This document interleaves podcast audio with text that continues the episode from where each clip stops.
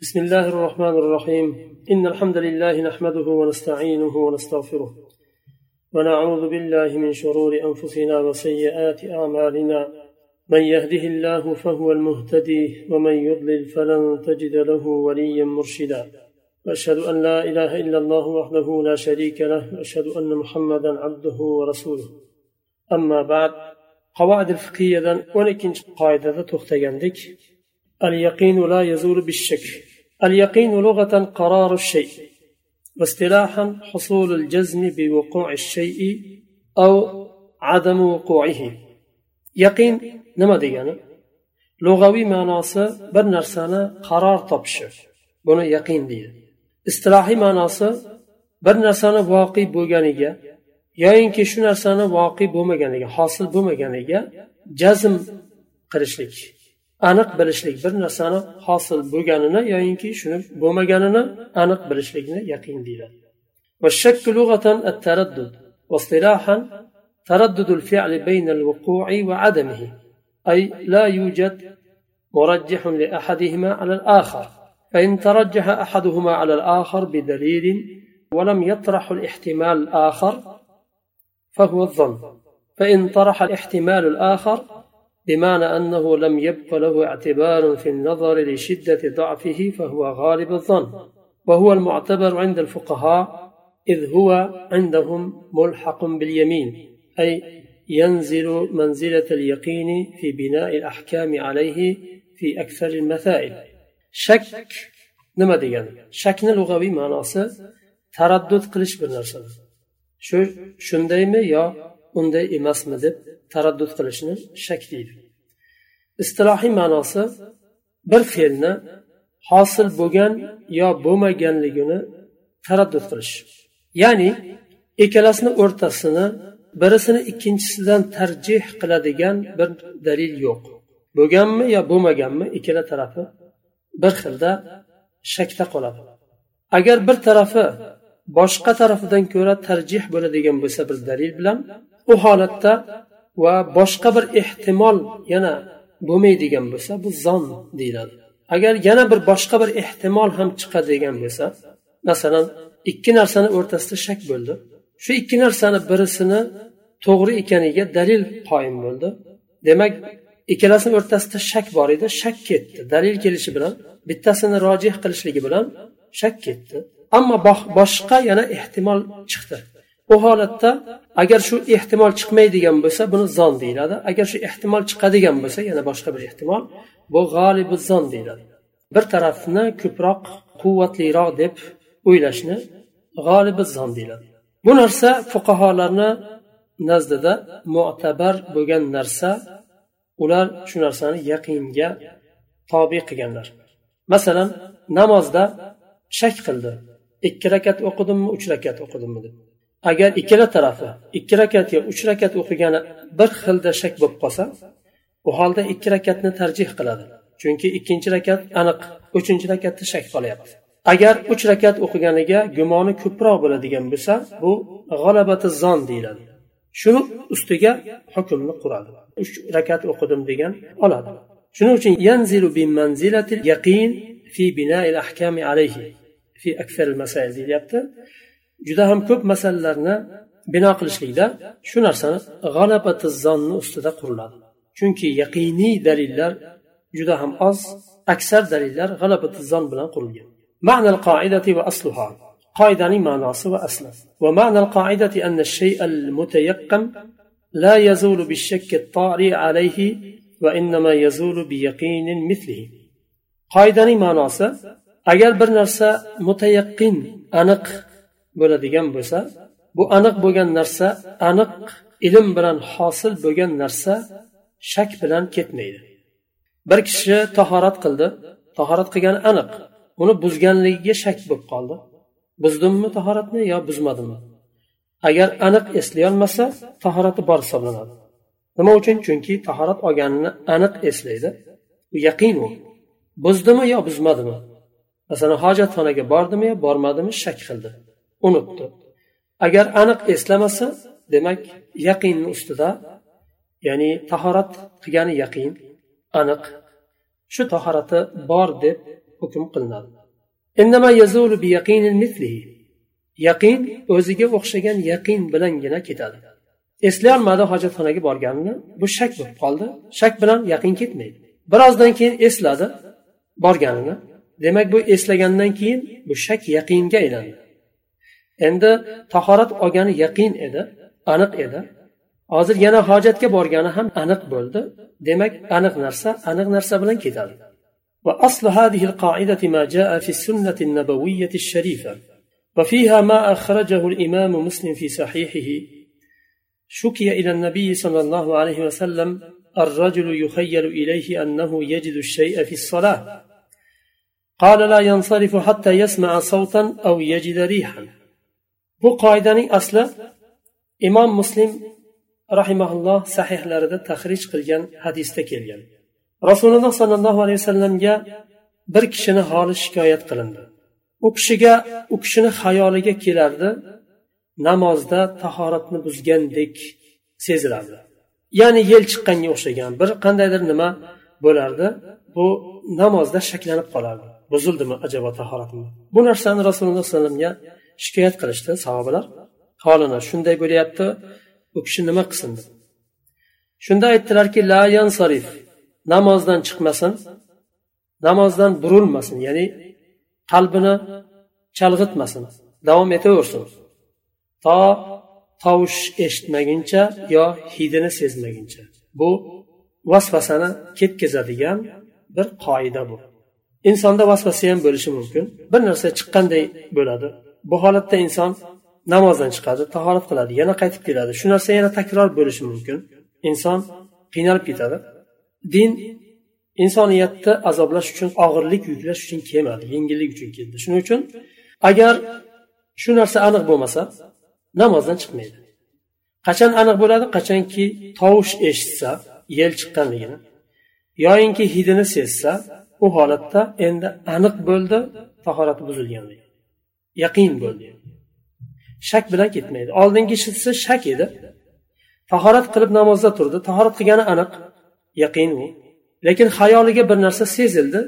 Tahorat buzilganga o'xshadi bir narsa chiqqan kabi bir narsa sezildi. Bu narsa shak bu. Yaqin bo'lgan narsani shak ketkazmaydi. Qachonki tovushni eshitsa yo hidini sezsa u u holatda yaqinga aylanadida. Yaqin bo'lgan tahoratga ta'siri bo'ladi. وجاء في شرحه للإمام النووي رحمه الله قوله يخير إليه الشيء يعني خروج الحدث عنه. إمام النووي رحمه الله شرح دائت الله يخير إليه الشيء ديجانا خروج الحدث منه. طهرتنا بزاديان يلج قندك بلاد أكشن خيال دشمنا بلاد وقوله صلى الله عليه وسلم حتى يسمع صوتا أو يجد ريحا. معناه يعلم وجود أحدهما.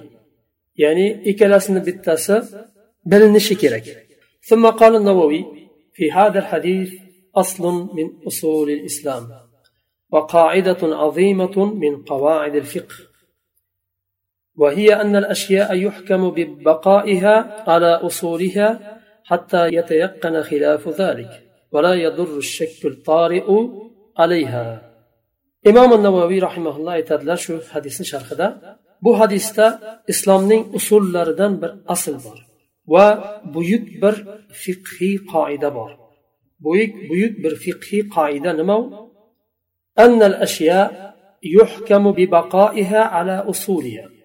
har qanday narsa o'zini aslida qolishi bilan hukm qilinadi. Hatto to uni xilofi aniq bo'lmaguncha. asli nima edi tahoratni borligi tahorat qildi keyin namozni boshladi asl uni tahorati bor bu tahoratni ketkazadigan shunga o'xshagan bir asl kerak o'ziga o'xshagan yaqin kerak shakni hech qanday unga zarari bo'lmaydi dedilar تطبيقات القاعدة وما ينبني عليها yuqorida o'tgan qoidani tadbiqoti va uni ustiga quriladigan narsalar لهذه القاعدة تطبيقات كثيرة حتى أن الإمام السيوطي قال عنها اعلم أن هذه القاعدة تدخل في جميع أبواب الفقه والمسائل المخرجة عليها تبلغ ثلاثة أرباع الفقه وأكثر suyutiy ashbah va nazoirda aytadilar biling bu qoida yuqorida o'tgan qoida fiqhning shu qoida kiradi hamma boblar va muharraj deb ba'zi masalalar tahrij qilingan bo'ladi boshqa bir masalaga asoslangan holda shularga ham kiradi va bu qoida fiqhni to'rtdan uch qismiga yetgan va undan ham ko'piga yetgan deydilar ونذكر فيما يلي بعض تطبيقات هذه القاعدة وما ينبني عليها من أحكام وقيدا بعض التطبيقات لارني كترامز ديتلر شو قاعدة va shu qoidani ustida qurilgan ahkomlarni keltiramiz birinchisi man tayaqqana at-taharata va shakka fil hadath fa huwa mutatahhirun kim tahorat bor ekaniga shubha qilmasa ya'ni aniq bilsa tahorat bor ekanini va tahoratni buzganlikka shubha qilsa bu holatda u kishi tahorati bor hisoblanadi chunki shubha yaqinni ketkazmaydi ومن تيقن الحدث وشك في الطهارة فهو محدث kim tahoratni buzganini aniq eslasa aniq bilsa va tahorat qildimi yo'qmi shak qildi. Bu holatda u kishini tahorati yo'q hisoblanadi. Bu yerda uni aksi bo'ldi chunki tahoratni buzganini aniq biladi. U asl hisoblanadi. Tahorat qildimi yo'qmi unga shak qildi. Demak tahorat qilmagan hisoblanadi tahorat qilish kerak. Ikkinchisi man tayaqqana al-fi'la va shakka fil qalili aw al-kathir humila ala al-qalil bir kishi bir fe'lni masalan namozni deylik. Oz yoyinki ko'p ekaniga shubha qildi ikki rakat o'qidimi uch rakat o'qidimi yo bir rakat o'qidimi yo ikki rakat o'qidimi buni shak qildi u holatda oziga yuklanadi. Bir rakatmi yo ikki rakatmi deb shak qilgan bo'lsa bir rakat hukm qilinadi. Chunki ozi aniq. Ko'pida shak bo'lib qolyapti. Sajdadan turganda ikkilanib qoldi yo sajdada ikkilandi birinchi rakat sajdasidamanmi yoyinki ikkinchi rakatni sajdasidami deb ikkilandi bu yerda birinchi rakatni o'qiganligi aniq ikkinchisi shak bo'lib qolyapti shuning uchun aniqni ustiga quriladi ويؤيد هذا الحكم الحديث الذي أخرجه الترمذي عن عبد الرحمن بن عوف قال سمعت رسول الله صلى الله عليه وسلم يقول إذا سهى أحدكم في صلاته فلم يدر واحدة صلى أو اثنتين فليبني على واحدة فإن لم يدري سنتين صلى أو ثلاثا فليبني على ثنتين فإن لم يدري ثلاثا صلى أو أربعا فليبني على ثلاث وليسجد سجدتين قبل أن يسلم. بو حكمنا إمام الترمزي تخرج قلجان عبد الرحمن بن عوف رضي الله عنه دن رواية قليان حديث من لك قوة بو حكمنا. abdurahmon ibn avf roziyallohu anhu aytadilar سمعت رسول الله صلى الله عليه وسلم يقول رسول الله صلى الله عليه وسلم shunday deganlarini eshitdim kim namozida unutsa bir rakat o'qidimi yo ikki rakat o'qidimi bilmaydi u holatda bir rakatni ustida qursin namozini ya'ni birinchi bir rakat o'qidim deb hisoblasin agar ikki rakat o'qidimi yo uch rakat o'qidimi bilmasa ikki rakat o'qidim deb hisoblasin agar uch rakat o'qidimmi yo to'rt rakat o'qidimmi deb bilmasa uch rakat hisoblasin dedilar va salom berishdan oldin ikkita sajda qilsin dedilar uchinchisi dayn fi zimmatil madin لا يزول إلا بالأداء أو الإبراء ومن ثبت نكاحه بامرأة فلا تزول الزوجية عنه إلا بيقين ومن ثبت ملكه لشيء لا تزول ملكيته إلا بثبوت ما يزيلها uchta masalani bu yerda keltiryaptilar bir kishini zimmasida qarz bor qarz sobit bo'ldi bu sobit bo'lgan zimmasida sobit bo'lgan qarz yo shu qarzni ado qilish bilan ketadi soqit bo'ladi yo ibro bilan qarz bergan kishi kechib yubordi boshqa yo'li bilan bu soqit bo'lmaydi bir kishi bir ayolni nikohiga oldi bu nikoh shak bilan ketmaydi yaqin bilan ketadi. Taloq berganligiga shak qiladigan bo'lsa u shak bilan ketmaydi masalan. Bir kishi bir narsani sotib oldi. Shu sotib olgan narsasi buni mulkiga kirdi. Shu narsani mulkiyati sobit bo'ladi qoladi to shuni ketkazadigan yaqiniy bir narsa bo'lmaguncha. Masalan vaqf qildi.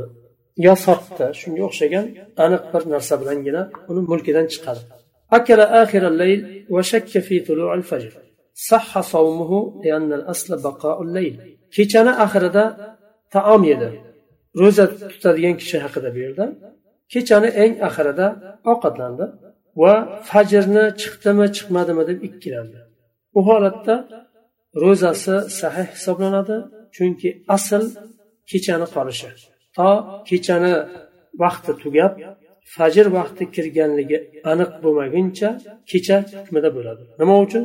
Chunki asl kechasi. Kechasi davom etyapti hisoblanadi. To shu kechani tugadi degan aniq bir dalil bo'lmaguncha. Yo fajr sodiq ko'rinishi kerak yo soat bilan o'sha fajr sodiqni kiradigan bir vaqti bilinishi kerak yo masjidlarda azon aytib boshlash kerak. Shunga o'xshagan bir alomati bo'lmasa agar bu holatda kecha davom etyapti degan hukm bo'ladi shu yerda to'xtaymiz keyingi darsdan o'n uchinchi qoidadan boshlaymiz inshaalloh سبحانك اللهم وبحمدك أشهد أن لا إله إلا أنت أستغفرك وأتوب إليك